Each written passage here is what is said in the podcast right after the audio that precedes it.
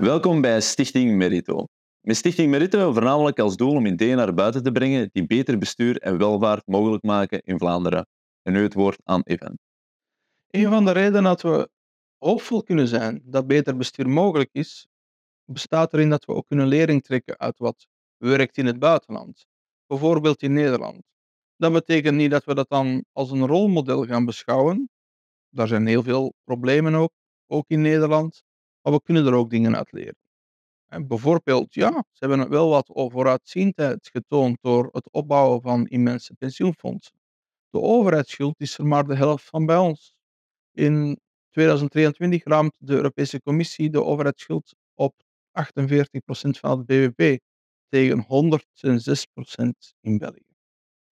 En Nederland is een land dat op het Europese forum vaak ervoor pleit dat er hervormingen plaats nodig zijn in Europa. Eerder dan gewoon het extra op tafel leggen van geld. En dat heeft toch een forse onderbouw. Want ook in eigen land is er wel wat hervormd in Nederland. We hebben naar pensioenhervormingen gehad in 2011, maar ze hebben ook een energieakkoord gehad, een, een onderwijsakkoord, een zorgakkoord, het klimaatakkoord van 2019. Kortom, er wordt wel bestuurd in Nederland. En het is ook gezegd dat er een schaduw kan zijn, een schaduwkant, namelijk premier Rutten heeft waarschijnlijk wat te lang het roer in handen gehad. Het was wel iets te veel van het goede.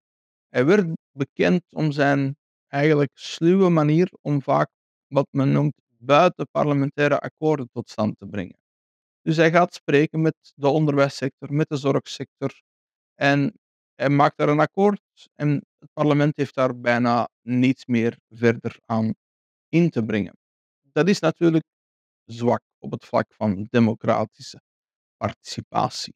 Maar als we kijken naar wat de Nederlanders vinden over alle turbulentie heen, van vindt u dat uw land bestuurd wordt, dat er toch wel dingen in de juiste richting evolueren.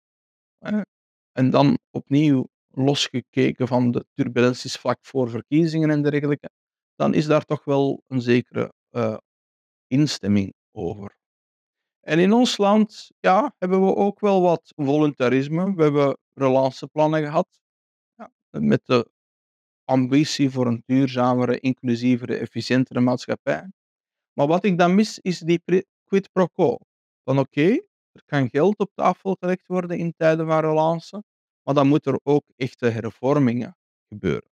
Zodat we ook uh, vertrouwen kunnen hebben dat het geld deze keer beter zijn weg zal vinden dan voorheen. Um, en dus hervormingen, verbeteringen in bestuurskwaliteit, die kunnen ons vertrouwen funderen dat we echt beter gaan performeren.